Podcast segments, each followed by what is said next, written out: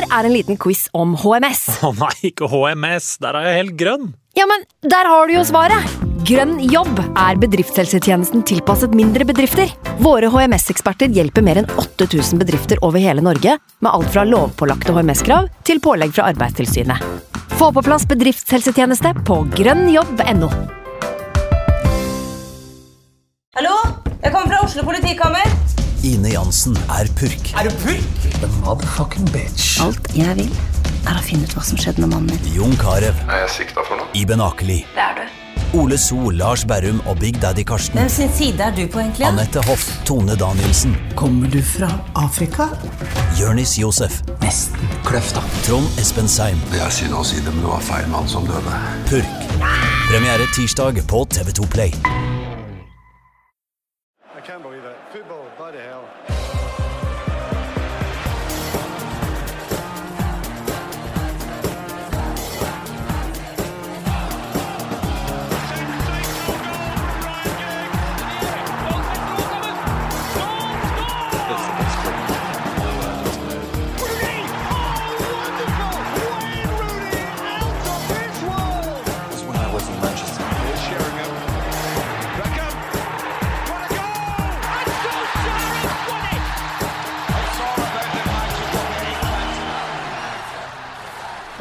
Velkommen skal dere være til eh, pokalen her i Oslo, og velkommen til United We Podcast live eh, og direkte.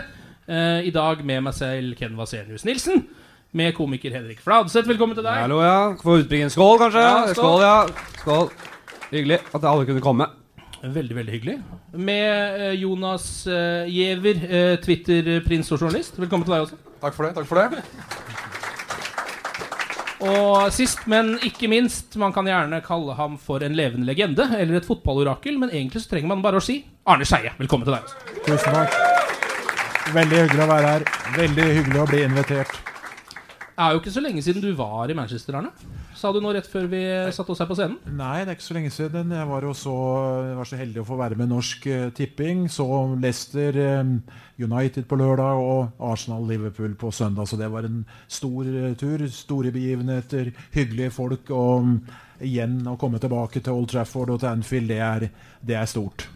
Og jeg tenker jo at Det er jo mange her som blir litt starstruck eh, når de ser deg, men du tok jo en del selfies der borte. Ja, jeg syns det. Når vi hadde omvisning på, eh, på Old Trafford, så, eh, så syns jeg jeg måtte ha bilde av eh, tidenes yngste VM-spiller, Norman Whiteside. Um, har aldri snakka med han før. Det var veldig hyggelig. Og så Dagen etter så traff vi Gary Palester, og han hadde jo veldig veldig mye å si om eh, United, som selv jeg ikke var klar over. Det Også, vil vi jo ja, gjerne det høre får vi mer om. høre mer om etterpå. Og så ikke minst da eh, en av mine store helter fra 68-laget, keeperen Alex Stepney. Men eh, i Liverpool så ble det ingen selfie. det er veldig godt å høre. Uh, Henrik, jeg ser du ikke har tatt på deg drakt i dag. Jeg har ikke drakt. Pleier ikke å ha det. Hvorfor det? Nei, det er sånn henger igjen fra barndommen. Da jeg, da jeg trodde litt på Litt grann på sånn overnaturlighet, litt på ulykke og sånn, så følte jeg at det bringte litt ulykke med meg å ha drakt. Så jeg kuttet ut det, og det har jeg fortsatt med eh, fram til i dag, selv om jeg ikke lenger tror på ulykke og den slags. Så bare for å være på den sikre sida, kan jeg kanskje si. da Så du tror fortsatt på ulykke? Jeg gjør egentlig det, da. Det blir jo fort uh, sånn. Eh, Jonas, du har eh, 42 000 følgere på Twitter. Ja, det er vel noe sånt noe. Hvordan har du fått til det? Jeg Spør du meg, spør jeg deg. Hva er det du skriver om der som uh, gjør at folk må følge deg? Mye fotball, da. Mye, mye Manchester United, mye europeisk fotball, spansk fotball spesielt. Um, I en periode var det veldig mye latinamerikansk fotball òg, og folk syns vel sånt er gøy. da Og så holder jeg vel ikke munn, eh, eller fingre for meg selv. Så jeg skriver og skriver og skriver. Og det er vel Altså Hvis vi regner ut hvor mange tweets jeg har per følger, så er det ganske kjipt tall for meg, da, egentlig. Rasioen er ikke helt på din side. Nei. Nei. Nei. uh, Arne, jeg lurer litt på noe som vi har der. Du er jo en av de um, få som har fått med deg 1968-laget. Å nei, det er flere som har fått med seg det, selv om Men i jeg denne salen? lev, levde i arkeologisk tid. Har du sett alle i denne salen? Nei, det har jeg vel ikke, men um, jeg har jo sett dem i dag. Da. Jo, jeg fikk med meg 68-laget, og det, det var jo i storhetsperioden. Um, for Bobby Charlton og for Dennis Law og George Best. Nå spilte jo ikke Dennis Law finalen, men eh, de tre jeg nevnte, ble jo alle kåret til Europas beste fotballspiller. Og jeg hadde gleden da å se dem i, i kamper. Da jeg studerte, så brukte jeg hver eneste eh, sommer til å reise til England og se fotball. Det var altså fra midten på 60-tallet til litt ut på 70-tallet, da jeg var så heldig å bli ansatt i NRK. Så da var jeg der borte og, og så fotball, og det var, det var svære greier.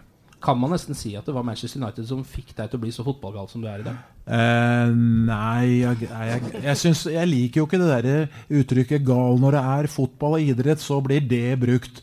Men folk som er interessert i litteratur, politikk og andre ting, blir aldri kalt gærninger politiske gærninger, nei. nei. Noen ganger, kanskje.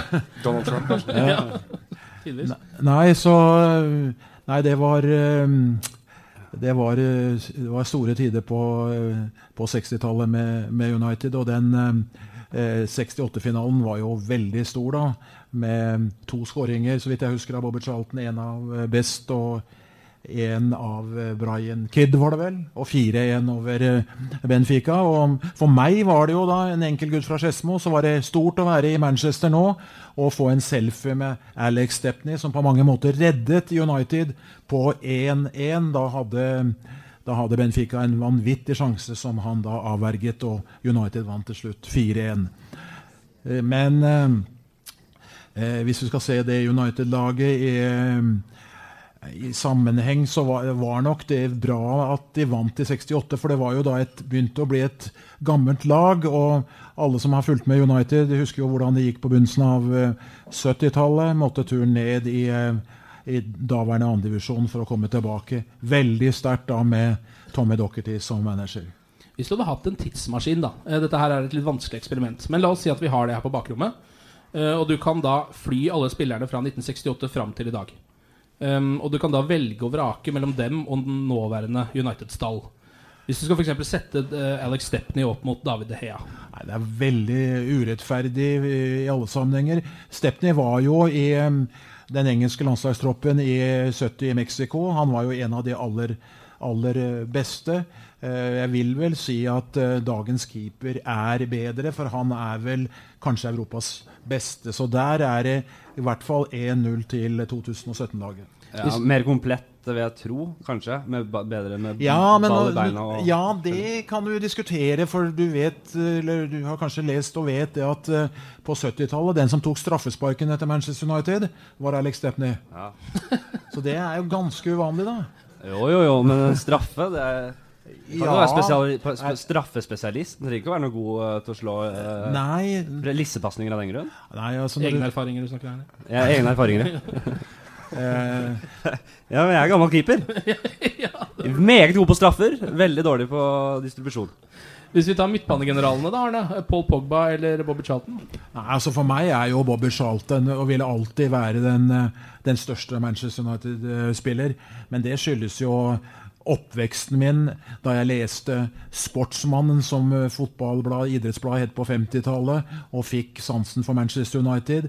Og etter eh, ulykken eh, i februar i 58 så var det jo Bobby Charlton som representerte kontinuiteten, som etter, men etter min mening holdt laget oppe, og som gjorde at det fra 63 med cupmesterskapet og seriemesterskapet i 65 var skikkelig på banen og var det beste laget. Er han din favoritt-United-spiller gjennom tidene? Ja, han er nok det.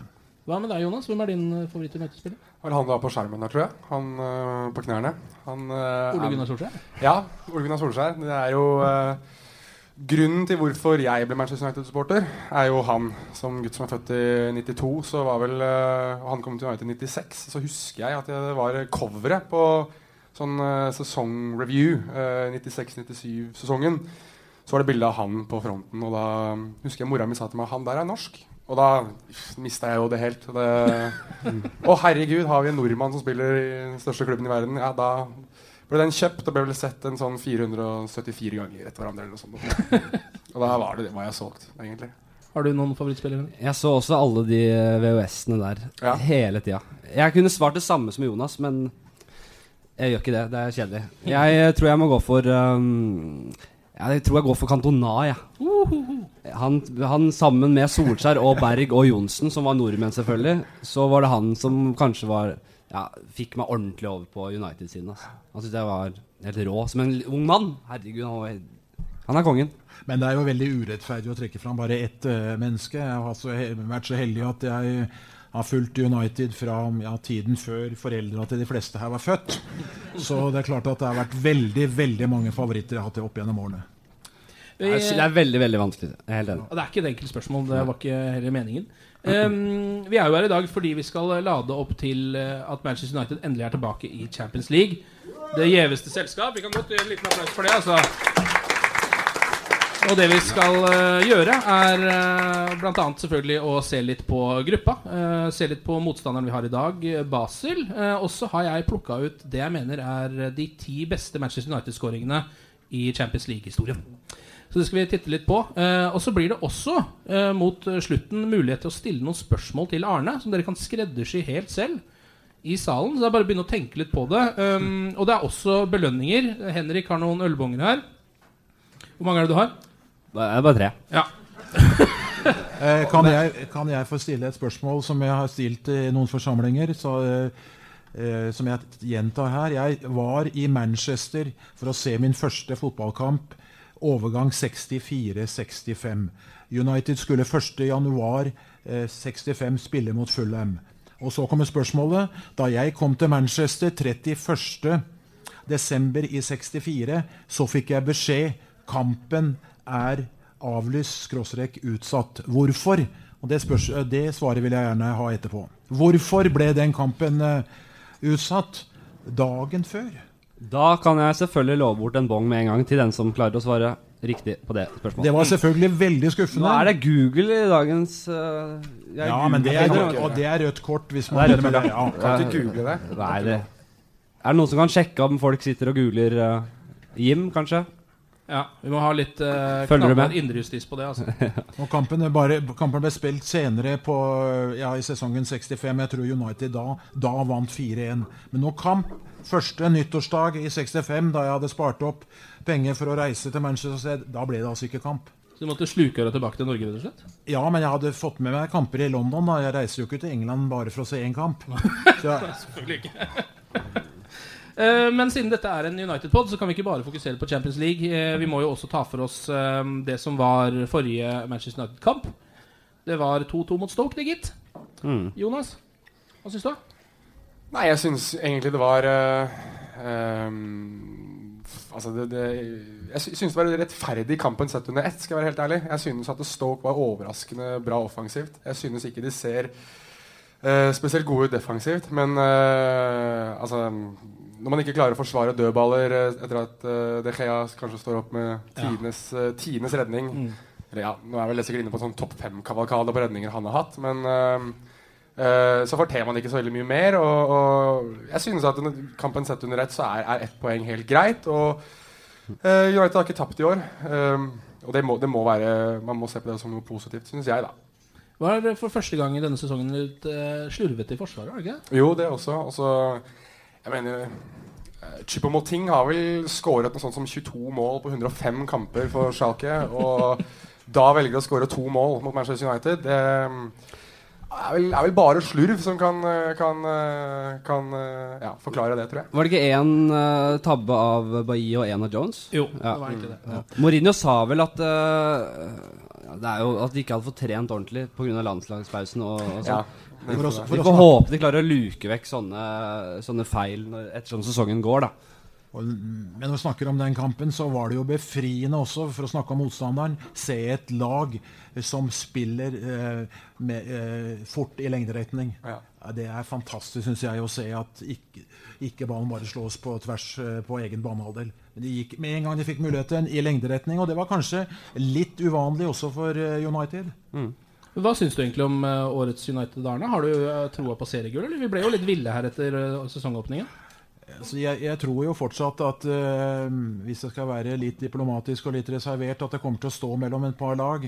Uh, jeg vil jo tro at City vil være der, og Chelsea vil være der. Men det som er veldig betryggende med United i år, er den fantastiske stallen. Da jeg var og så dem mot Leicester, så noterte jeg vel ni spillere som satt på benken eller på tribunen, som fort kunne gått inn på laget og kunne spilt på hvilket som helst annet lag. Og hadde de fått to spillere til, så hadde de, de ni pluss de to greid seg bra i Premier League. Eh, tror dere på det Mourinho sier om at eh, han syns eh, Smalling og Lindlöf er like gode som Jones og Bailly? Nei.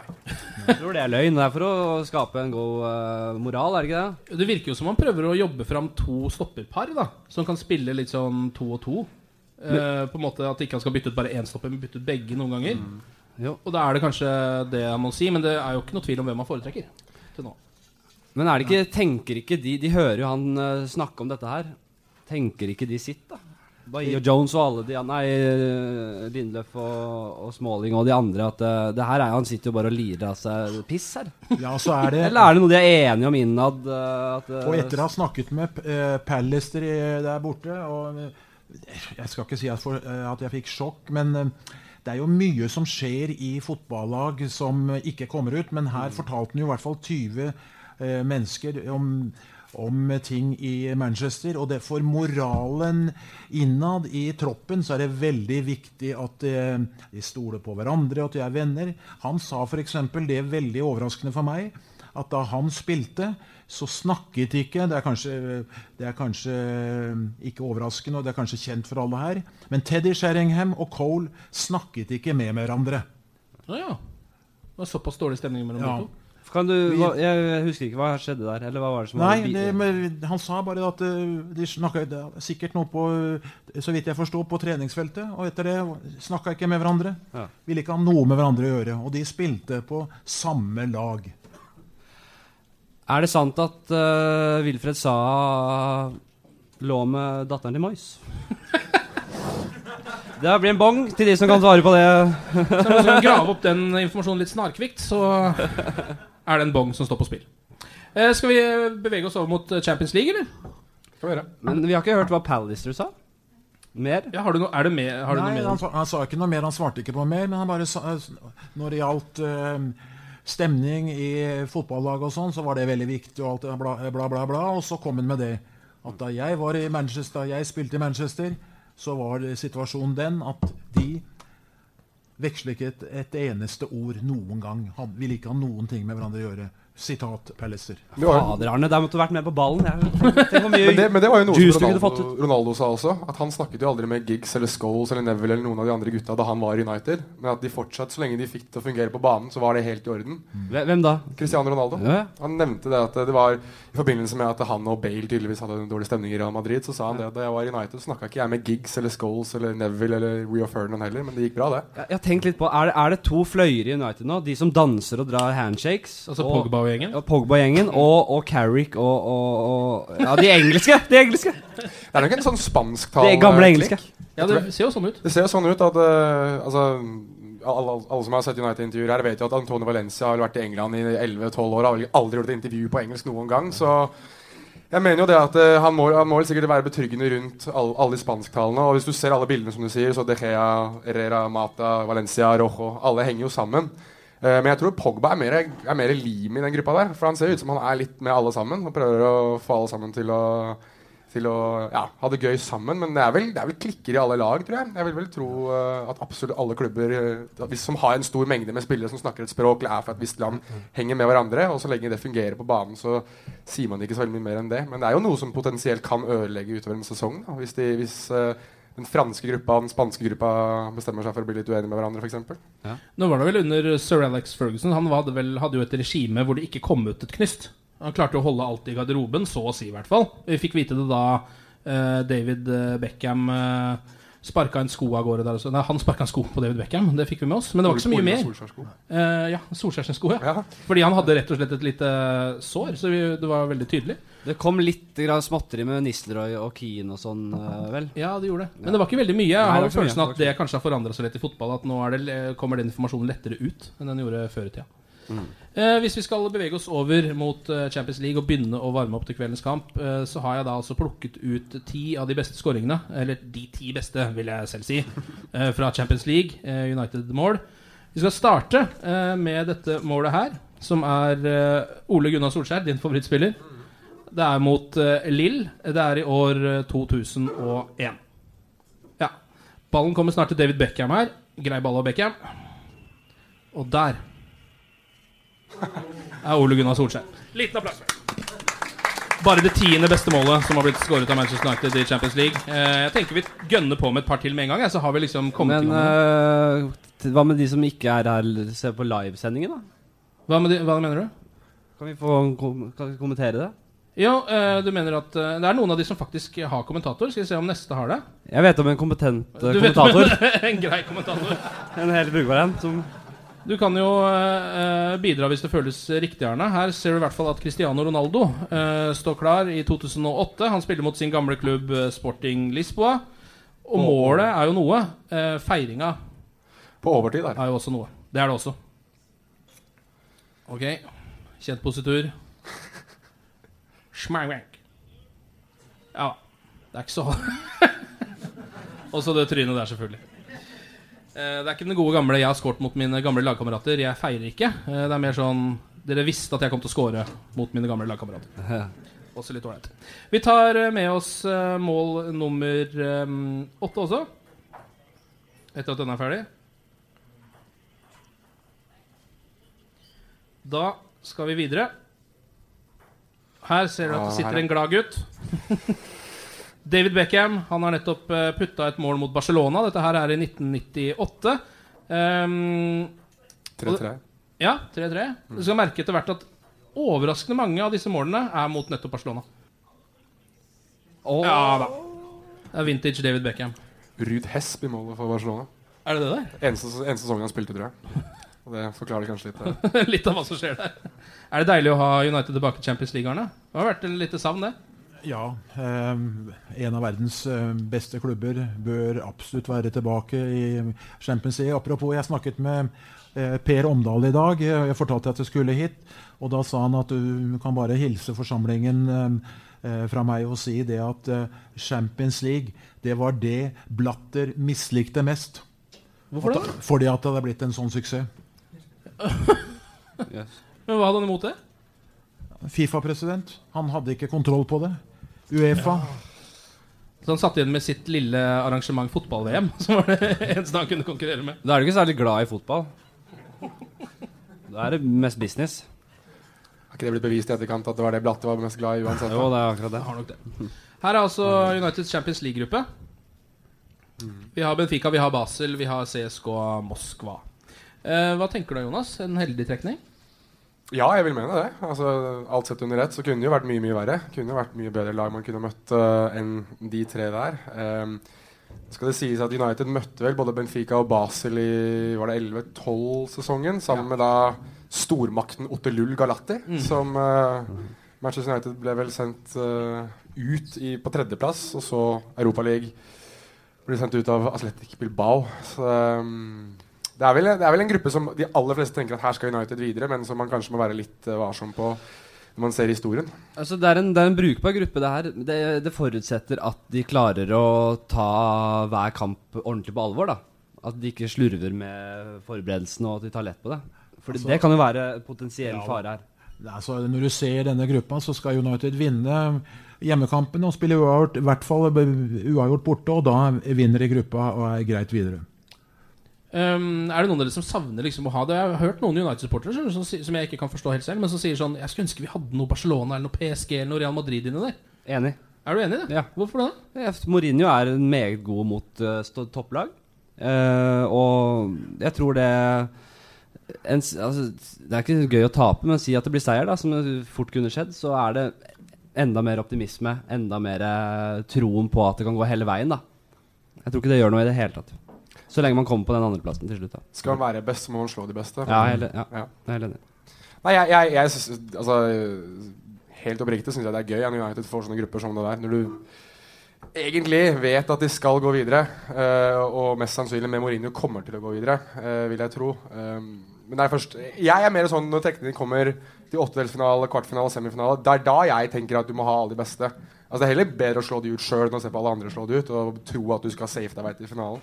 Synes jeg, sånne grupper er greie, men når vi kommer til trekninger, da er jeg mer sånn gi, gi, gi oss det beste laget. En fordel er jo selvfølgelig at hvis man øh, kan spare spillere i de siste kampene Hvis man cruiser gjennom, det er jo en stor fordel. Så det, den ser jeg. Men øh, jeg tror ikke det hadde gjort eh, så mye å fatte et, et av topplagene inne. En, en ting som irriterer meg mer, er når de må reise langt. Når jeg vet at uh, spillere blir sure og grinete når de må på langtur og blir slitne og skal spille kamp mot Chelsea uh, helga etterpå, f.eks. En tur til Moskva er jo ikke akkurat uh, veldig optimalt. Men nå var det vel i fjor så var det vel noen som måtte over Kaukasusfjellene liksom forskjellig for å spille, spille kamp. Og der mener jeg uh, Rostov var det vel du må over på andre sida av Kaukasusfjellene for å spille mot. Og der mener jeg når du slipper Så lenge du slipper de turene der, så kan du jo møte Paris Saint-Germain eller Real Madrid, som for så vidt er en enkel tur ned til Frankrike eller, eller Spania. Um, så jeg ser mer på det. Jeg syns heller det er kjipere at man, man, må dra til Moskva enn til Madrid, f.eks. Eh, de hadde jo noen av de turene i Europaligaen i fjor òg. Eh, de litt vonde turene. Det gikk jo helt ok, det. Eh, Ja, ja. til slutt. Eh, Arne, du er, kjenner jo til Benficas historie. Det er jo kanskje storlaget i denne gruppa, bortsett fra United? Ja, det er jo um, Det er i hvert fall en par kamper jeg husker med glede. Snakket om den 68-finalen, og så vidt jeg husker, så var det en fantastisk match i Lisboa i Ja, det må ha vært i, i kvartfinale, semifinale, kvartfinale i, um, i 66. Vant 5-1. Så bra tak på Benfica, et eh, stort lag. Men eh, på Old Trafford eh, så skal United vinne mot disse, mot Basel, mot eh, CSKA Moskva og selvfølgelig mot Benfica. Så uavgjort borte. Det var en, den gamle regel da det begynte i Europa, Europacupen.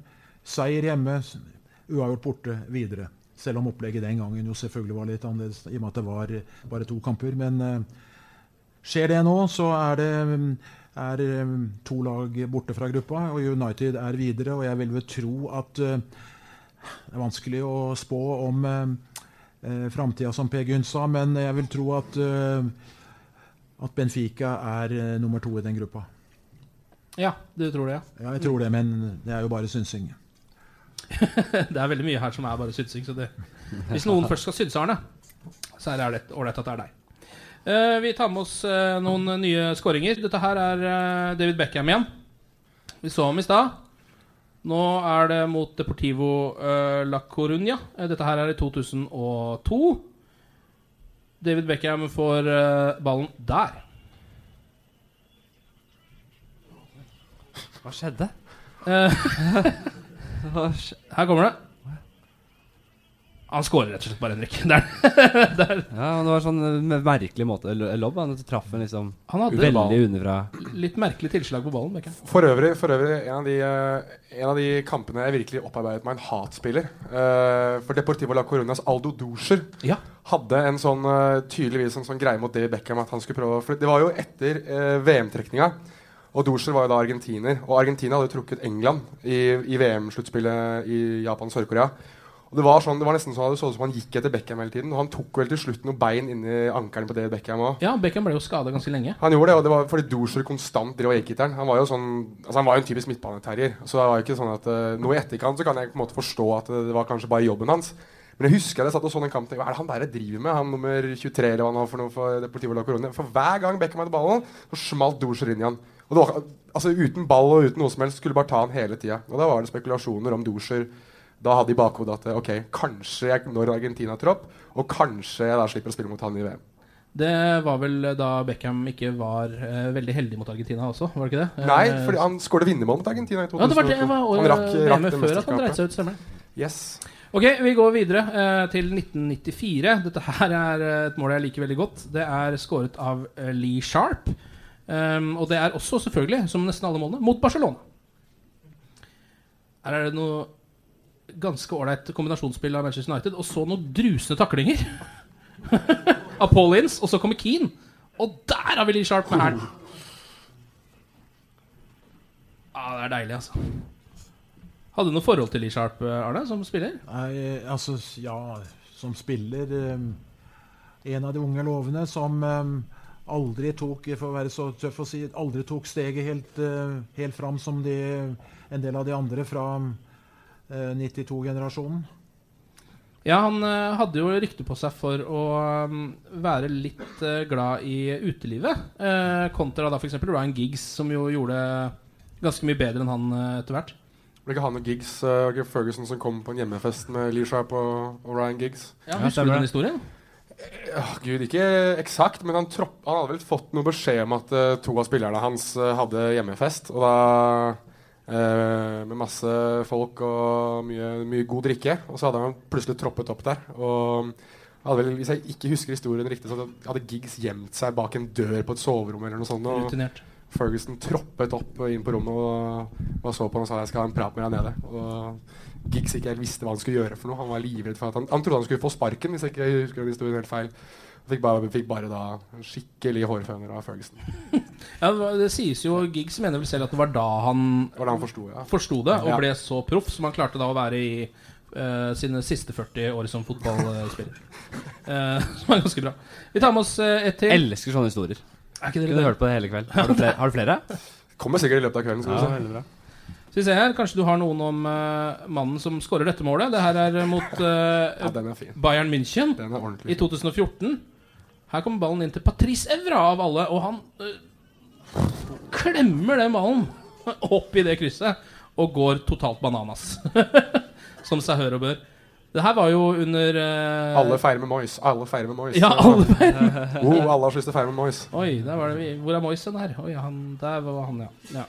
Kimi five, da. Det her var jo faktisk Akkurat da det målet kom, så fikk jeg litt troa på Prosjekt Mois. Det var liksom skulle ett mål til. Uh, det var jo nesten på vei mot en semifinale her. Så er det ingen som ser ikke på Moyes engang. skal- Ikke engang uh, Kagawa gidder å se på Mois. Det er veldig, veldig synd. altså. Nei, jeg, jeg, jeg trodde også det at uh, det var sånn alt gikk gærent under Moyes. Og da var liksom, når alt går gærent, så er det det som skal gå riktig. Husker jeg det jeg tenkte. At, Ja. uh, altså, på det tidspunktet kanskje verdens beste fotballag. Uh, Bayern München under Guardiola. Og det, altså, det var så typisk det at Moyes klarte det, men klarte ingenting annet. Men uh, så tok det vel 42 sekunder før Robben hadde skåret på andre sida. Ja, og da var det jo kjørt, da. Jeg må si jeg savner Vra, Altså. Han er en fin fyr. Var en fantastisk spiller og, og personlighet. Og jeg fortsatte å følge ham på Instagram. Jeg si sånn. si det. Blir godt humør av det. Ja, Han tror jeg kunne passa godt inn i en gruppe her. Og etter å ha sett uh, Blind mot, uh, for Nederland mot Frankrike, så ville jeg gjerne hatt en annen der, ja. For det Men hva tenkte du, Arne, da David Moyes uh, tok over Manchester United? Jeg tenkte vel at eh, dette var eh, et utspill fra Føgesen, og Føgesen gikk god for det. Og tenkte vel ikke så veldig mye over det. Hadde jo tross alt med relativt eh, begrensede midler gjort bra i Everton. Og det var vel egentlig der jeg var. Det er veldig lett å være etterpåklok, men ja. da, han, da han kom, så trodde jeg at dette skulle gå på skinner. Ja, du gjorde det, ja. Mm. Kan liksom ikke se for meg at Ferguson ikke tenkte nøye gjennom det. Tror du ikke han Jeg, jeg tror at Ferguson er en fyr som tenker veldig nøye gjennom sånne ting. Ja, selvfølgelig. Og han hadde jo gjort det bra i, i Everton og gode skussmål og det hele. Hvorfor skulle du ikke gå inn for ham? Men han hadde ikke bevist noe eh, i et topplag på toppnivå, og det er jo selvfølgelig Var det, var det mangel på alternativer som var grunnen? Jeg tror ikke han var førstevalget. jeg. Nei, nei, det, tror jeg, det kan han jo ikke ha vært. Ja. Ja. Husker, er det noen som husker uh, den siste sesongen til Ferguson? Så var det mystisk Så dro han mystisk på turer til New York. Bare sånn Plutselig så var han, dukket han opp i New York, og det var snakk om han skulle hjelpe med å promotere noe restaurant for en kompis. Sånn forskjellig Og På det tidspunktet der så hadde jo uh, Guardiola hadde jo sånn uh, sabbatsår i New York.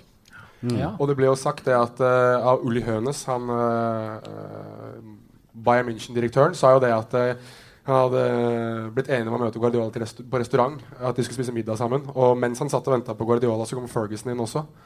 Og da var, sa han, sa han selv, nå må vi bare få den avtalen her gjort, for han, nå er Ferguson her også. Da, hvorfor er han plutselig her?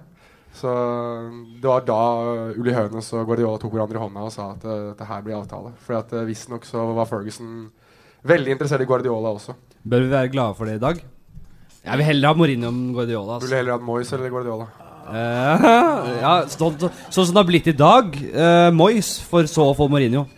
Skal vi ta en liten uh, sjekk på det, eller? Ehm, en liten jubel versus buing på det. Eh, hvis jeg sier Pep Guardiola, hvem er det som ville hatt han som trener i dag?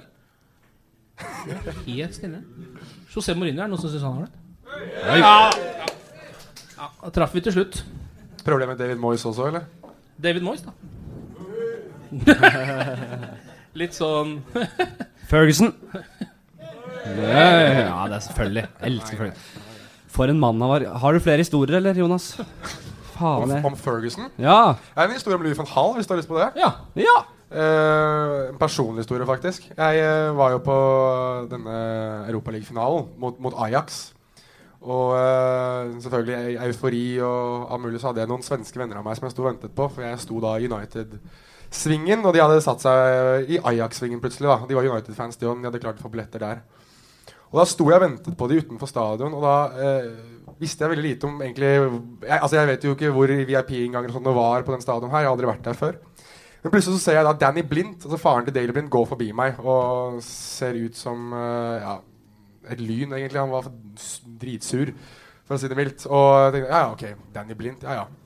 Ok, jeg tenkte ikke noe mer over det. Og så eh, plutselig så hører jeg et hav av supportere foran meg som begynner å hyle. Louis, Louis, Louis. Jeg, Hva er det her for noe? Så snur jeg meg. Og der står jeg ansikt til ansikt med Louis van Hall, som står og ja, ja, ja, og står og ler og smiler. Og har aldri sett friskere ut enn noen gang. Og, og rett og slett overrumpler meg, for det er da et hav av supportere som kommer og dytter til meg, så jeg faller da nesten inn i Louis van Hall. Jeg faller da inn i en av vaktene hans. Og da ja. Fordi supporterne skal komme til uh, Til Louis van Gaal for å ta bilder og sånn. Og han, gikk, han sto og tok bilder med alle. Jeg har, fikk jo klart å reise meg opp til slutt. Da. Fikk et bilde, jeg òg. Men eh, Så det var mitt, mitt uh, Louis van Hall-øyeblikk, hvor han sto og, sto og sang Louis van Halls Army utenfor Friends Arena. Han sto og sang det? Ja, det sto sangen imellom. det. Det, jeg, det, det, det ligger på YouTube, faktisk, hvis man ønsker å se Nei, nei, men han gjorde dette her igjen. Han pleier å gjøre det, ja. Han Ja, pleide å gjøre det. Ja. Ja, han gjorde visst det. Det er jo helt rått, egentlig. Han var i hvert fall eh, Aldri sett han friske når han var da. Så ut som han eh, så 20 år yngre ut, nesten. Vil jeg mene. Han så, han så så frisk ut. Og i kjempegodt humør. Altså, Han har ikke potensial til å se så frisk ut som du Du skal, du skjer- du skal bli, du skal bli overraska hva ferie etter en United-jobb klarer å gjøre med deg. Altså. Moyes ser fortsatt ut som et helvete. Han var strengt tatt i San Sebastian og rykka ned med Sunderland nå. Det er ikke akkurat sunn kost, tror jeg.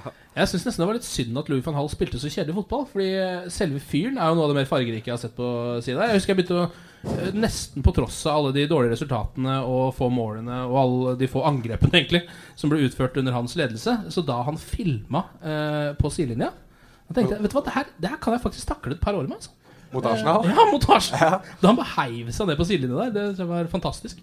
Eh, ok, men her ser vi jo da det vi skal opp mot, forhåpentligvis, da. Utover høsten eh, og nærmere nyttår. Hvor, hva, hva tror du, Arne, om liksom, hvor gode kan Manchester United være nå? Hvor, eh, kan vi hevde oss mot dette her? liksom? Mot PSG, mot Barcelona, mot Juve, mot Real? Kan hevde seg mot alle. Jeg så eh, i dag Aftenposten hadde en eh, oversikt, selvfølgelig veldig subjektivt, hvor de hadde Real på topp selvfølgelig, og United som lag ti i, i Champions League. Eh, og Der var vel også Chelsea og, og City med. Mm. Som eh, de engelske utfordrerne. Det er vanskelig å si. Eh, Real Madrid synes jo å være veldig gode i sommer. Kommet litt skakt ut i, i, i serien, men eh, det er klart de har jo fantastiske spillere. Vurderer de da spiller for spiller? Fordi Nei, det er må- veldig rart, det der. Det må jeg. du nesten spørre journalisten i Aftenposten om. Hva, hva het han? Det er bare å få opp noe med telefonen og tatt en liten telefon da. Hva tenker du, Jonas? Fordi um, nå er det jo Jeg merker at jeg har litt ærefrykt for Champions League nå. Det begynner å bli litt lenge siden vi har hatt noe suksess der. Ja. Jeg, er, li- jeg er litt redd for den turneringen. Ja, det er jo der de store gutta spiller, da. Det er jo, det er det. det liksom eh, Nå får man lov til å spille, spille med de som er et årskull større, kanskje. Eh, vi som husker guttefotballen. Da hadde du alltid vært livredd når du skulle på første trening med de litt eldre. Mm. Eh, nei, jeg uh, synes at Real Madrid er favoritter. Jeg, jeg har ikke startet uh, La Liga på best mulig måte, men nå skal de da spille mot Gia Sides Apoel denne runden her. Og har både Det er vel er det Tottenham og Borussia Dortmund de har i gruppa si. Og, der er de, og de er favoritter med dem. Og da, Det sier sitt. Og jeg synes Real Madrid med Cristiano Ronaldo er fantastisk fantastisk gode. Jeg synes uh, Barcelona fortsatt må finne seg selv litt. Uh, nå som de ikke har Neymar, nå som Suárez er litt mer skada, og, og, Messi får, uh, får mer ja, ansvar igjen. Og i tillegg så har de Osman Dembélé som de har betalt masse penger for. Så jeg, det, Juryen er litt ute på de, og det samme er det med Juventus også. Som jeg synes de, de har mista Leonardo Bonucci. Og det, det tror jeg blir et kjempetap for dem. Kanskje mest utenfor banen enn på banen. Eh, jeg synes eh, Veldig rart salg, altså. Ja, Ja, du som følger litt med på sånne overganger, vet du hva som skjedde der? Ja, det var vel noe uoverensstemmelse mellom trener og spiller, tror jeg. Og det var eh, Han hadde gått til Milan?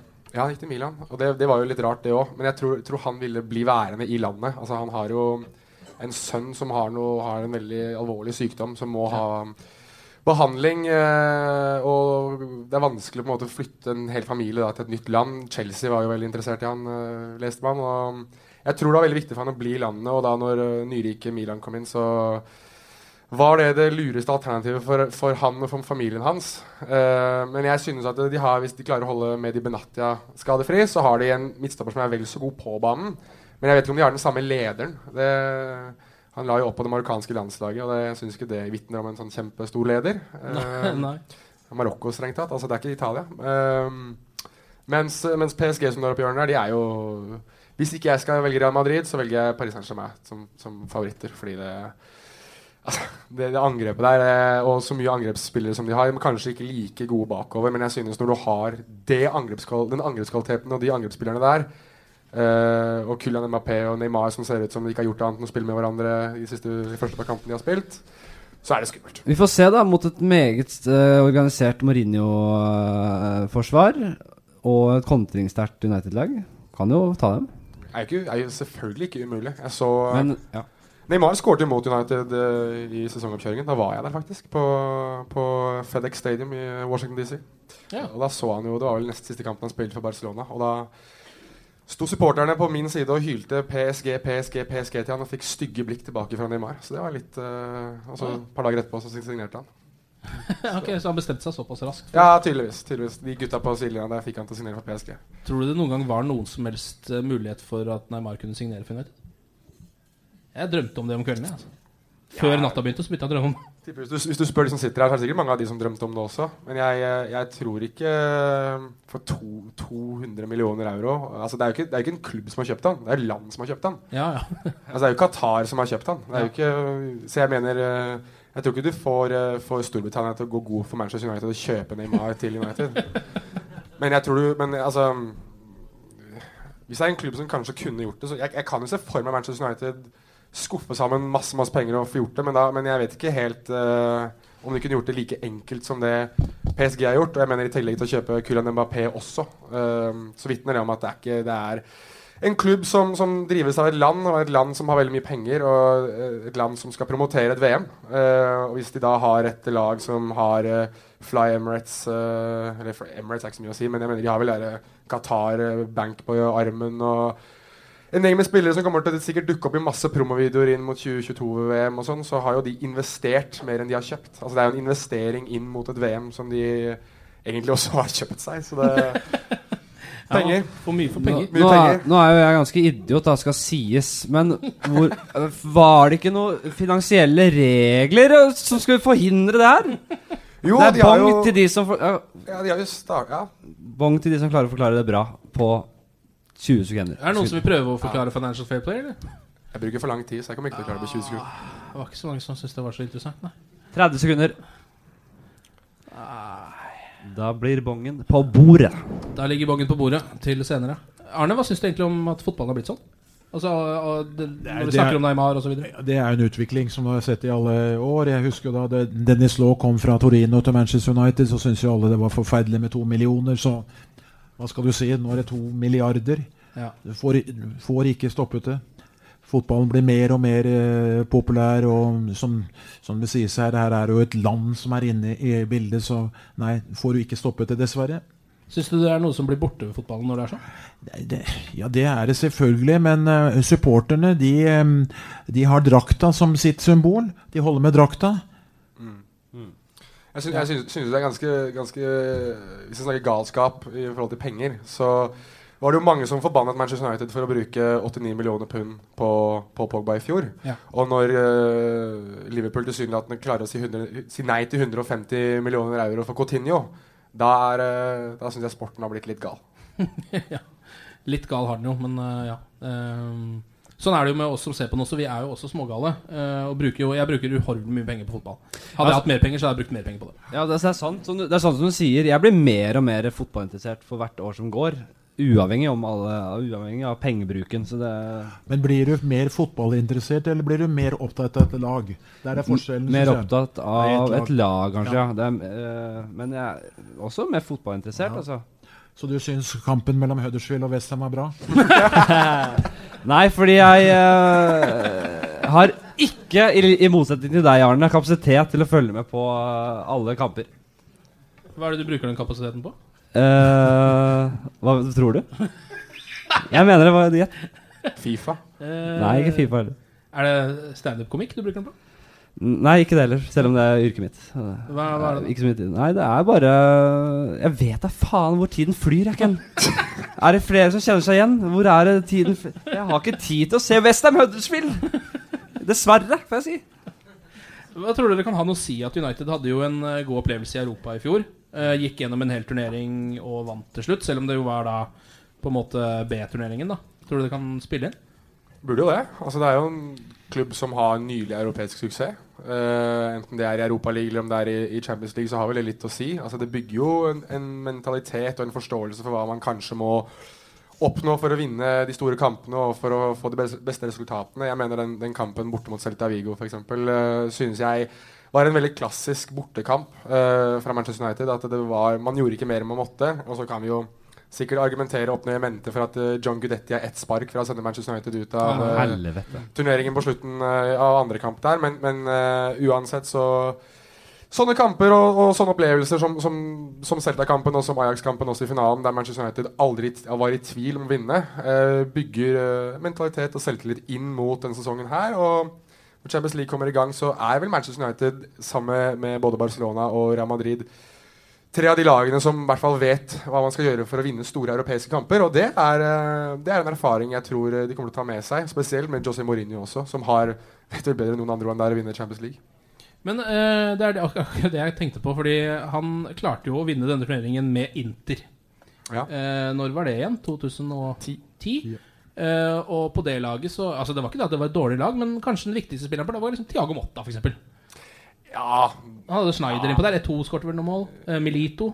Jeg vil si Milito altså, Greit nok, Man kan jo snakke om unsung heroes så mye man bare vil. Og Der har jo Manchester United Michael Carrick for eksempel, i alle disse årene. Og Noen vil sikkert nevne Owen Hargreaves på det laget som sist vant Champions League. Eh, det var litt strengt tatt det eneste han gjorde i United-drakta òg. men Hadde uh, ikke inntil Sanetti, ja? Sanetti, på Walter Samuel. Lucio Cambiasso, uh, Motta, Schneider, Schneider ja, Pandev Mm. to, Altså, det var jo det var jo et kjempegodt fotballag. Maicon på høyreback, f.eks. Altså, det var jo et fantastisk bra defensivt lag. Og jeg vil si at det, Inter mer enn noen andre kanskje eh, oppsummerte det å være å vinne Champions League med på, i summen av et lag mer enn summen av visse enkeltspillere. Altså, nå skal jeg selvfølgelig ikke ta vekk noen ting fra Barcelona og sine fantastiske lag, men jeg mener når du har Lionel Messi, så, så har du en fordel uansett hvem du møter. Men jeg, jeg var liksom ingen på det Inter-laget som jeg mener at det var en soleklar ener. eller soleklar, Han er best i verden. Selv om jeg mener fortsatt at Wesley Schneider skulle vunnet uh, gullballen det året. Ja, han hadde et eh, Han var bra i VM òg. Spilte VM-finale og vant alt han kunne. Hvis ikke du skal vinne gullballen da, så vet ikke jeg. Eh, men hvor, når er vi, hva er vi fornøyd med da, tror du? I Champions League? Vi vet at Mourinho kan jo sette opp sånne lag. da Han kan uh, slå hvem som helst med en litt kynisk tilnærming. Så Paris og Real Madrid er jævlig sterke, men jeg, jeg har faen meg troa. jeg. Hva- Om ikke i år, så kanskje neste år. For jeg tror uh, Jeg har veldig troa på det prosjektet. There's always next year. Ja. Det har blitt sånn. Nei, Du har blitt jeg- jeg- Liverpool-supporter? Altså, jeg vet ikke om folk har hørt på dette før, ja, men jeg er jo alltid altfor optimistisk. Jeg begynner å bli latterlig. Ja, hva tror du? Slutt å invitere meg. Hva er du fornøyd med i Champions League, da? Hvilken plassering? Hvor langt må de komme? Ehm, altså så jeg, jeg, jeg, jeg kommer til å være fornøyd med en Nei, hva skal jeg si, da? Jeg er ikke fornøyd før vi klarer å hevde oss i toppen igjen, da. Jeg Mm. mener jo det. Det Jeg mener at? United skal være i toppen. Og det Jeg har kanskje vært litt sånn eh, Jeg har vært litt, kanskje litt for positiv fordi jeg vet at det, man kan ikke snu ting over natta, da.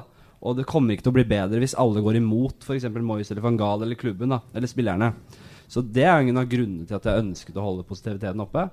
Men når alt kommer til alt, så vil jeg faen meg ha Champions League. Så jeg vil ha The Treble igjen. Jeg vil ha alt det greiene der. Så da er jeg fornøyd. Men i år, ja, en kvartfinale Vi kommer ikke til å skrine hvis vi ryker ut eh, etter å ha eh, gitt uh, bitt fra oss der. Hvor langt tror du de må komme, Arne, for, for at Mourinho skal unngå å få kritikk? Nei, Det er jo veldig vanskelig å svare på. Um, Man må jo ta den enkelte kampen da, og, og, og se hvordan um, han, um, han fullfører den. Det, Men hvis det, hvis det går ut i denne gruppa her, så vil jo kritikken komme. Mm. Så er jo spørsmålet da hvem får du eh, i, i neste legg, som det heter på godt engelsk. Så nei Og spilleren, spilleren godt og går ut, så får han ikke kritikk. Og går han ut på dårlig spill, så vil det alltid, vil alltid være noen som kritiserer uansett. Hvor har du lagt lista, Jonas? Altså, du, jeg tror at uh, man må sikte mot å bli et av Europas fire beste lag.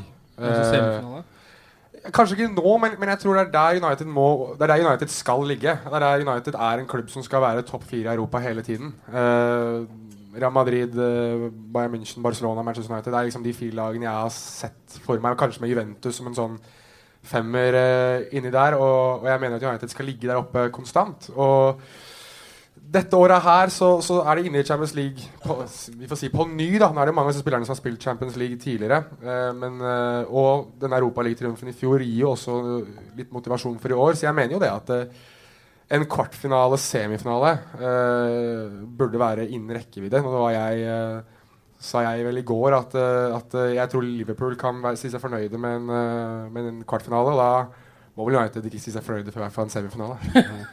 Men uh, jeg, jeg mener det er litt feil å, spille, å sammenligne spiller for spiller, da. Men si uh, Hva er det vi trenger da for å være oppe i de topp, uh, det topp fire-sjiktet?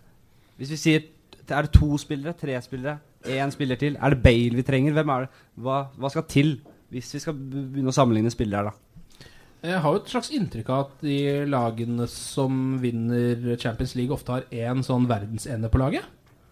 Og så Om det er Lionel Messi eller om det er Cristiano Ronaldo, eller hvem det måtte være, så er det Jeg vet ikke om United har Har Paul Har ikke vi Pogba- Pogba, De Kanskje Digea. Og Digea er verdensende. Men ja, jeg vet ikke. Jeg er enig. Det er ikke noe Ronaldo der. Det er ikke noe Messi, selvfølgelig. Nei. Det er heller ikke noe Neymar. Ja, Zlatan Ibrahimovic, da. Og Rashford. Har man Ibrahimovic, da? Sånn, altså Etter hvert, kanskje? Etter hvert, men jeg, når, han har vel aldri vært så skada som det han har vært nå. Altså, Nei. Kommer du noen gang virkelig tilbake fra en sånn skade Altså, Greit nok at han uh, Lions don't compare themselves to humans og alle greiene der. Ja, det er superhyggelig, det. At han ser på seg selv som en løve. Det er koselig, det. Altså, han, det er mange andre som identifiserer seg som dyr, så det, det er jo veldig hyggelig. Men jeg kan liksom ikke se helt for meg at han skal komme tilbake i en alder av 5-36 og være Nei, nei. Helt super igjen. Rå fyr, viktig type av laget, men han kommer aldri til opp på det nivået. Og han kan ikke gi oss den der verdensstjerne eh, de verdensstjernekvalitetene. Som f.eks. Ronaldo, som Neymar. Så kunne Bale vært noe. Ja. Hva tenker du om det? Er veldig god spiller, selvfølgelig. Kunne vært noe. Men um, han har vel sagt nå at eh, det blir i hvert fall et år til i Real. Og da, han er jo kronisk skada i den ankelen sin nå, er han ikke det? Jo, den er det. Så, eller hamstring og ankel og det som er. Så jeg Jeg vet ikke helt. Jeg, jeg, tror, jeg tror at United må, må sikkert ha en venstreback, som, som Arne var inne på tidligere um, i programmet her, og sikkert også kanskje en, en wing. Eh, hvis Ibrahimovic forsvinner helt og holdent, så kan det jo være at eh, det sitter en, en franskmann uh, i Madrid som uh, heter Antoine Griezmann, som sikkert uh, jeg tror at han hadde spilt i Manchester United hvis ikke det var for at uh, Atletico Madrid fikk den uh, overgangsnekten. Da hadde han nok vært i Manchester United nå. Der er, da, men da ligner det noe. Ja, ja. Er, han, men er han helt der oppe? Kommer han Ja. til å levere der oppe Nei, år etter år etter år etter år? Han er jo ikke i klasse med disse som dere har nevnt her, men jeg mener jo at United med, med de økonomiske musklene og den stallen de har nå, de må være med og, og kjempe, i hvert fall til en semifinale. Det er eh, Snakker, snakker om at de savner en spiller, men med det mannskapet nå, så mener jeg det er godt nok. Det er, jeg å si, det er matchvinner i alle ledd framover. Så eh, veldig optimistisk for eh, det som skal skje våren 2018. Da vedtar vi semifinale, vi. Vi setter eh, lista der. Alt annet er for dårlig, sier vi nå. Vi skal, vi skal ta med oss eh, noen flere av eh, topp ti Champions League-skåringer for Manchester United gjennom tidene. Den er nydelig. Dette her er et helt ålreit uh, mål, skal vi se. Nå tar vi mål nummer fire og tre. Um, Scholes?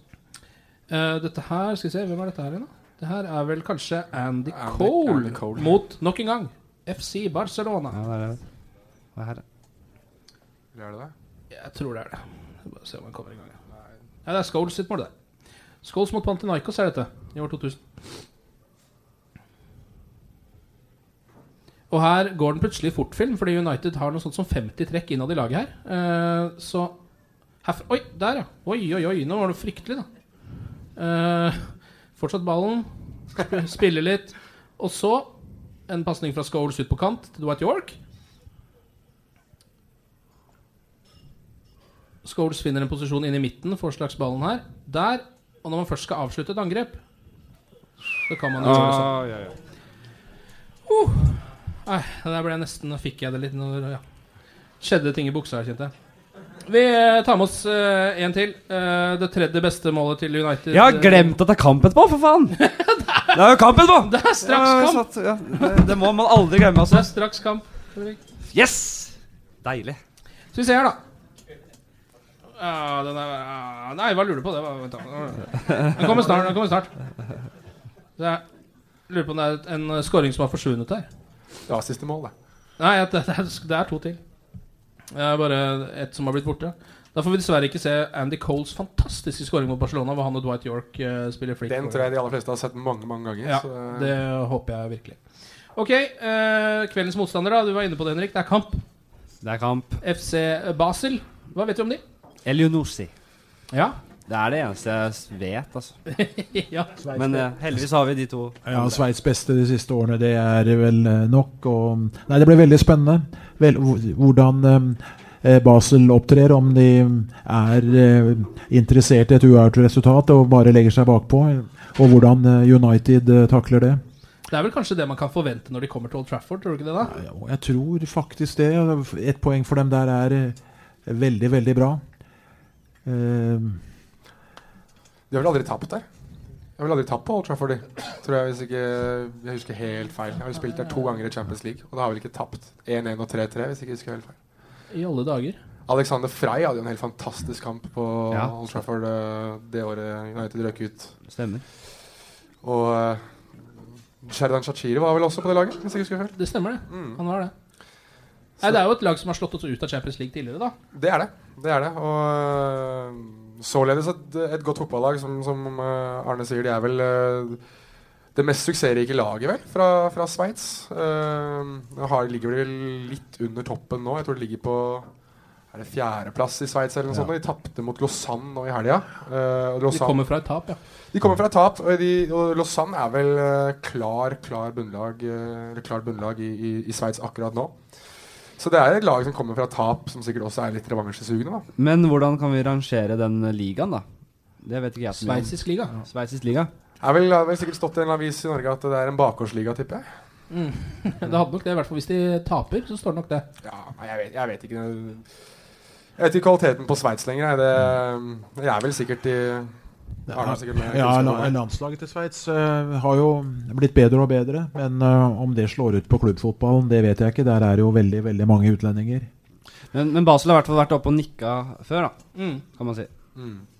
Det blir ikke lett. Har vel en ny trener av året òg, hvis jeg ikke husker helt feil. At han er ganske fersk. Kommet opp uh, fra ungdomssystemene, litt sånn som han trener i Ajax nå. Og det har ikke gått spesielt bra. og Det har ikke gått spesielt bra med han her nå heller. Så det er vel sikkert en trener som ikke er Han har, vel aldri, han har jo aldri trent da i, i, eh, i, i Champions League, så det er hans første år. Og hvis han ikke da har fått ting til å klaffe helt ennå, så er det jo sikkert litt skummelt for han nå å tenke at han skal til Old Trafford med det laget her hvis han ikke helt har fått til å fungere. Og det er jo det lover jo ikke helt godt, da, spesielt når du kommer fra et tap også. Og, så skal du, og det var et tap hjemme for øvrig òg. Og, og så skal de til Old Trafford og spille mot Manchester United. Så da, jeg, til, jeg vet ikke om de sparte spillet. Jeg kan ikke si at jeg vet hva førstelaget der er. Eneste jeg vet om Basel, er Moye Lunossi og FM-legenden Eder Balanta, som spiller på det laget òg. Én ting er i hvert fall helt sikkert. eh, Skal United eh, eh, gjøre denne sesongen, så må de slå Basel. Ferdig med det. Ja. Det tror jeg vi alle kan være enige om. Eh, er det noen som har noen spørsmål til denne mannen, eh, som sitter både der og nå også er der oppe på skjermen? Eh, Arne Skeie. Hva lurer du på? Hva lurer du på? Hva lurer du på? Kan, Det har du er- ikke en sånn uh, låt her, da? Hva lurer du på? Som det Skeie i studio, han kan fortelle om alt mellom himmel og fotball. Uh, og vi har med oss noen bonger også. Henrik har noen uh, helt spesielle kriterier til å plukke ut. er Hva er kriteriene for hvem som får bong? Det er jo at jeg syns spørsmål er bra, da. Jeg, det er ikke noe mer enn det. Så bare skyt fra hofta. Se hva som skjer. Det Men en- gjerne still spørsmål. Gode spørsmål. Det ligger en mikrofon der nede. Kanskje du kan ta den med og se om det Ja, er noen vi som har noe tar en liten tur. Er det noen som har, er det noen som har tenkt å melde seg her, forresten? eller? Bare så ikke Henrik, for jeg vet at Henrik ikke liker uh, overdreven fysiske utfordringer. Så hvis han skal begynne å gå rundt her uten at det skjer noe Hør på hvem som snakker, da. Hvem er, har uh, spørsmål? Ja, jeg vet jo at du har et spørsmål. Jeg ser det på deg. Har du ikke det? Ikke nå, nei. Eh, Nå må vi steppe Er, opp. er det noen som har eh, svar på det mm, spørsmålet jeg Ja. stilte fra 64-65? Der er det. Vent litt. Har du svar på spørsmålet, eller har du et spørsmål til Arne? Vet Da kan du ikke stille spørsmålet på nytt, Arne? Sånn at vi Ja, altså, um, Det begynner å bli noen år siden. 64-65, 31. desember. Kom til Manchester. eh, Jeg fikk da greie på, i det øyeblikk City skulle reise av sted til Southampton, at eh, her blir det ikke noe kamp. Og hvorfor kunne de da si at det ikke i, i 65, første nyttårsdag, kunne bli noen match mot Fulham? Var det pga. smog? Er bra! Åh! Smoggen Første, det skal, det skal du ha. Det spørsmålet er stilt mange, mange steder. Ingen har tatt det. Men hva var snittalderen på en mann i Manchester i, på 60-tallet? 19 år? Levealderen? Nei, det Det vet jeg ikke. Men eh, jeg vet i hvert fall det at eh, drosjesjåføren ville ikke kjøre dagen før til Old Trafford, for han så ikke mer enn meteren. Smog der, altså. En bong til deg. Vær så god. Oh! Noen flere som kunne tenkt seg en eh, bong som de kan bruke når de skal se Manchester United mot Basel på Old Trafford ganske så straks? Om en times tid? Det? Nei, ingen Dere, flere det, er ikke, det er jo på en podkast, det her. Så dere driter ikke ut for flere enn Der er det de som sitter i Ja vel, ja. kan du komme fram, sør? Vær så god. Takk. Du er en eh, sympatisk eh, fyr, Arne. Men hvilken United-spiller har gjort deg mest frustrert? Gjort meg mest frustrert? Det er et uh, meget godt spørsmål. eh. ja Kunne det være Dave Gaskill som sto i mål en tippekamp for United mot Arsenal i 74? Unnskyld, i 75. United var jo nede fra 74 til 75. Jeg tror det. Helt håpløs. Helt håpløs. Hva skjedde, Arne? Altfor svak, selvfølgelig. Eh, Kom inn for eh, Stepney en kamp, så vidt jeg husker. Og nei, det var Og så vidt jeg også husker, så var det Rolf Hovden som hadde kampen for NRK. Så det er jo da 42 år siden, i hvert fall. Eh, nei, jeg, får, jeg tror jeg får stå ved eh, Dave Geskel.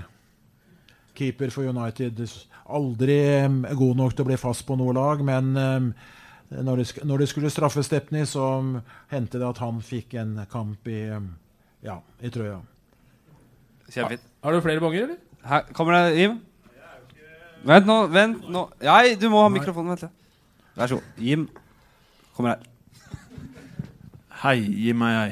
Du, eh, jeg lurte på en ting. Første eh, boka til Ferguson så sier eh, sir Alex at eh, i motsetning til hva veldig mange tror, så hadde ikke United like mye penger når han eh, kom til klubben.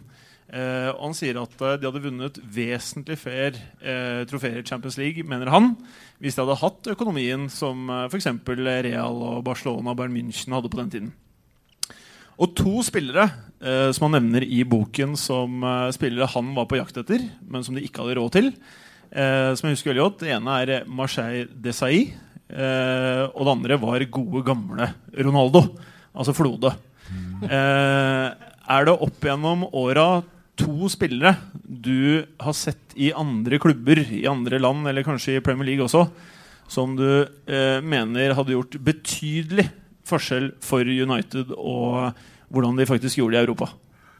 Ja, Veldig godt spørsmål. Um, Det var vel slik på 90-tallet at United eh, forsøkte å få Alan Shearer. Ja. om det er vanskelig å si om Europa, men når du ser hva han gjorde i ligaen, fortsatt uh, toppskårer i Premier League, så tror jeg det hadde vært en fantastisk eh, tilvekst. Det er jeg ikke, det er jeg ikke i tvil om. Eh, i, I Europa så Det er klart det er eh, veldig, veldig mange der som kunne Men å komme på én sånn i farten Det var jo snakk om Ronaldinho, da. Ja. ja. Hva syns du om han? Altså det er, alt er subjektivt. Han var en god spiller, men ikke sånn at jeg tenkte på ja, da han var på det beste sånn fra 2000 til 2006 at eh, United skulle kjøpe han. Tenkte aldri, for da, da levde man kanskje på triumfen fra, eh, fra 99 og det, det gode laget der. Eh, Den andre Du er jo inne på den andre. Ronaldo var jo selvfølgelig veldig, veldig god. Toppskårer i, i, i VM i 2002, og, og veldig god var han i 98-99, så ja. Jeg får, eh, det er kanskje litt unfair, men jeg sier eh, Ronaldo, jeg og Alan Shearer. En annen spiller han holdt på å signere, eller som han visstnok skal ha prøvd å signere tre ganger, var Gabriel Battistuta. Ja. Som snakket om Ja. det i, i det er 442. skal vel det. Som alltid skårte mot United. Alltid skåret mot United. Altså, spilte han, jo, han spilte jo aldri for det beste laget i Italia og skåret noe enormt for Fiorentina. Så det er klart at det hadde vært en uh, fantastisk uh, spiller. Det er jo ingen tvil om. Uh, bare litt sånn oppfølgingsspørsmål. da Av dagens spillere rundt omkring i verden, så er det jo kanskje to som skiller seg vesentlig ut. da Hvis Ja. vi fjerner Messi og Cristiano Ronaldo, som har vært i United, hvilken spiller er det du mener United burde signert nå? Hvis, man, hvis penger ikke var et spørsmål her, da. Ja, Det er igjen et veldig godt uh, spørsmål. Nå var jo vi inne på dette med, med skadeproblemet til uh, Bale. Uh, jeg får kanskje si Bale, da, for at han kjenner mentaliteten bedre enn de fleste. Jeg synes han har hatt noen fant, Når han har vært skadefri, har hatt noen fantastiske kamper for Real Madrid. Så jeg, jeg faller ned på Bale. Og det er tydelig at United nå har vært inne på tanken når eh, både han og Real Madrid har slått fast at han blir i, i Madrid i hvert fall en sesong til. Har du noen flere banger, Henrik? Ja. Er det noen flere spørsmål, da? Ja. En på tampen. En på tampen. Vi får klemt inn én på tampen her. Ja. uh, gratis lesk. Ja, Der kom du, det har opp et par to, du har vært før, men da tar vi Hvis du kunne kommet fram her. Veldig bra. Hei, Arne. Hei. Har du en favorittspiller i dagens United? Eh, For meg er det bestandig eh, laget, da. Selv om jeg da har vokst opp med alle fra jeg holdt på å si fra Duncan Edwards, Bobby Charlton osv. Eh, jeg sy jeg syns jo de har Kanskje litt sånn uordnet å si, men jeg syns keeperen er fantastisk god. Eh, jeg vil påstå at eh, han for meg kanskje er verdens beste. Og nå har jo United eh, etter hvert hatt mange gode keepere, men det var jo Etter München-ulykken så var det jo veldig, veldig mye rart utover på 60-tallet. Men jeg sier De Gea, hvis den uttalen av det spanske navnet holder. Veldig bra. Veldig bra. Ja.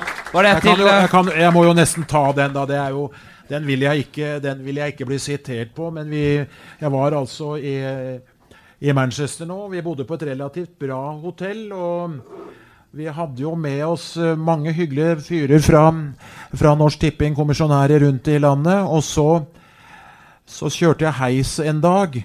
Og da kom en av disse folka inn sammen med en annen fyr. Og jeg sto vel og halvsov da i heisen og tenkte, var i mine tanker. Og da heisen stoppet i første etasje, så løp da den eh, eh, kommisjonæren fra Trondheim eller Trøndelag etter denne mannen. Så kom, jeg tilbake, så kom han tilbake og sa jeg, hvorfor i all verden eh, var du så opptatt av denne fyren? Så du ikke hvem det var? Nei, jeg tenkte ikke på det. Det var De Gea. Han bodde på samme hotell. Så du fikk ikke selfien med DGA? Jeg gjorde ikke det. Jeg var ikke klar over det. Det var jo helt forferdelig.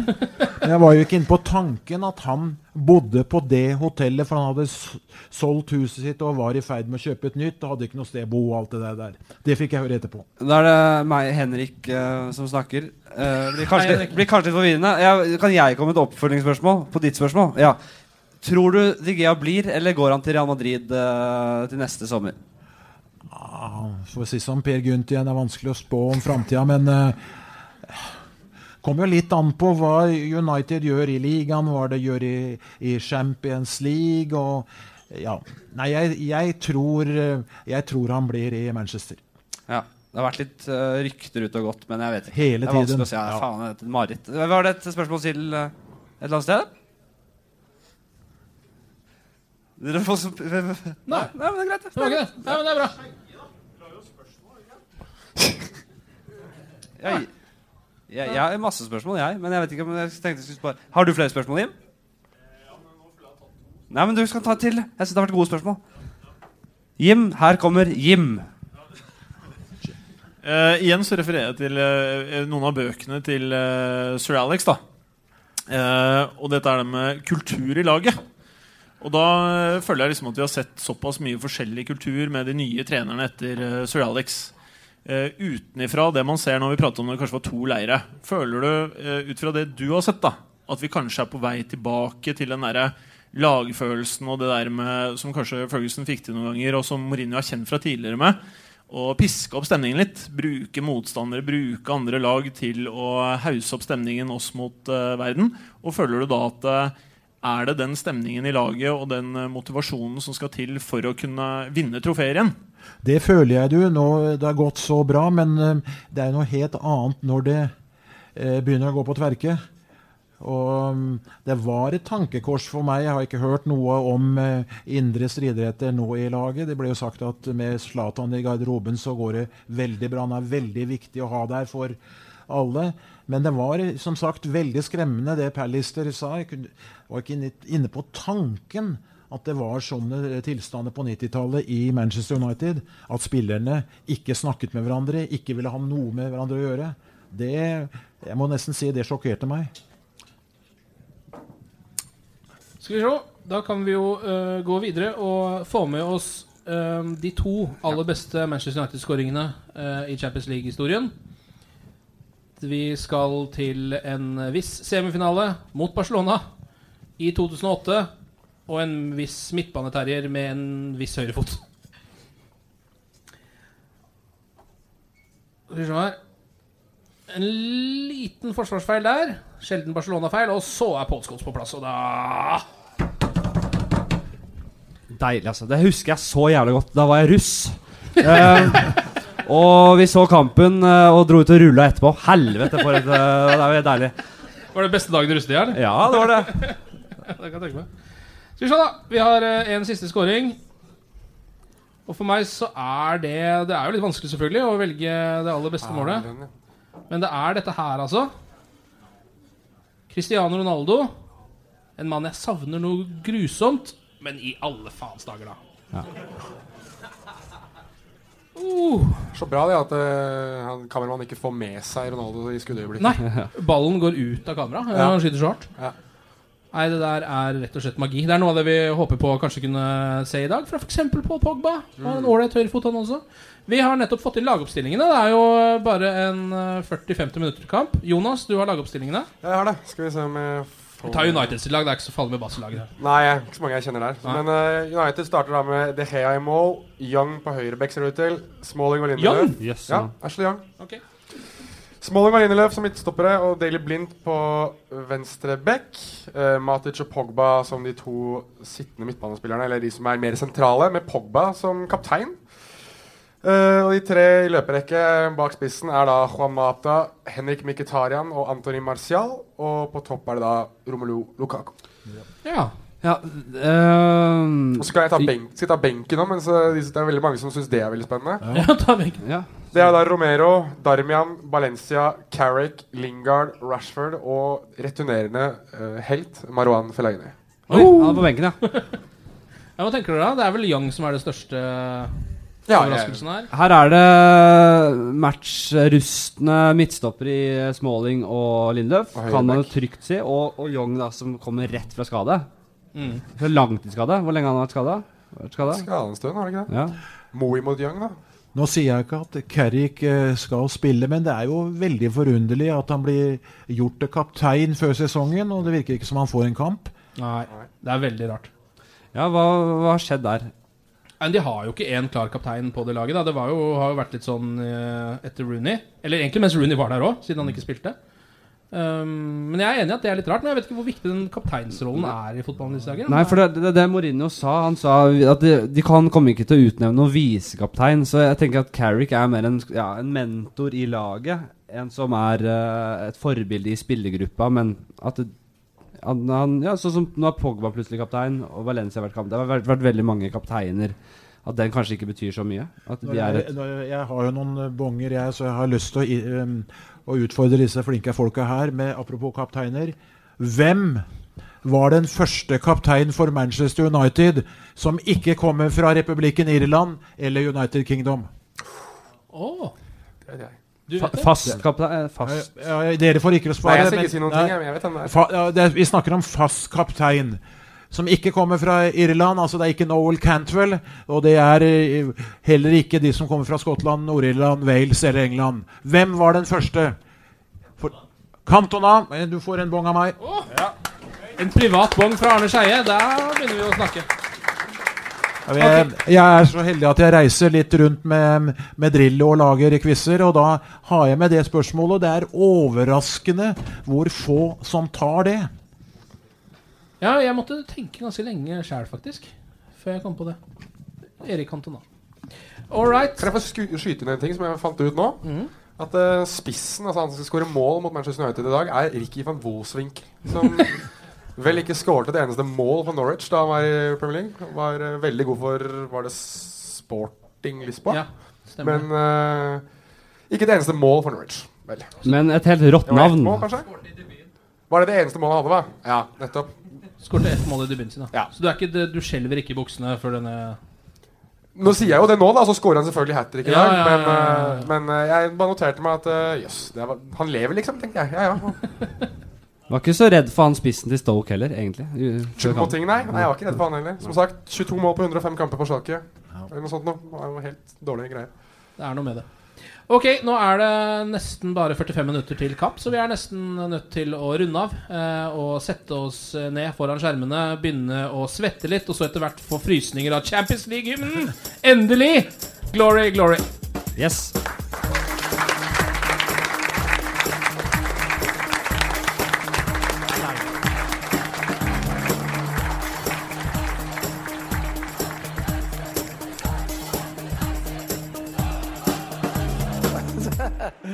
Oh, true. I've seen many things.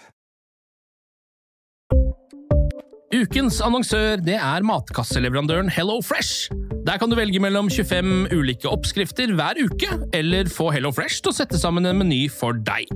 Jeg sparer tid på å handle, oppskriftene er veldig enkle å lage, og så får jeg akkurat det jeg trenger da, til hver eneste rett, så jeg slipper å kaste så mye mat som jeg vanligvis gjør. Det er også litt deilig å faktisk slippe å gå på butikken, ikke bare fordi det er tidkrevende og sånn, men fordi man ender opp med å kjøpe så mye greier som man egentlig ikke trenger, sånn som fire poser eh, Smash og en kick med havsalt, eksempel. Det er ikke det du egentlig er der for, du er der for å kjøpe, kjøpe middag.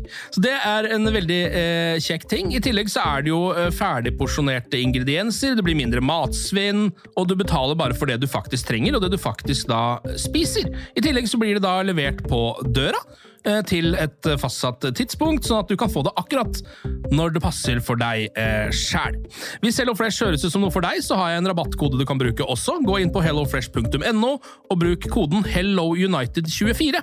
HelloUnited i ett ord, også 24, og få opptil 1779 kroner i rabatt på de fem første matkassene dine hvis du ikke har prøvd HelloFresh ennå. Du kan også bruke koden hvis du tidligere har vært kunde, men har stoppa abonnementet ditt for tolv måneder siden eller mer. Det er ingen bindingstid, og du kan pause eller avslutte abonnementet ditt akkurat når du selv måtte ønske. Husk koden HelloUnited24, og bon appétit! Ukens annonsør er Folio, en smartere banktjeneste for deg som har en egen bedrift eller ønsker å starte for deg selv. Folio er en superenkel nettbank for bedrifter. Som kunde i Folio får du en bedriftskonto med et bedriftskort og app.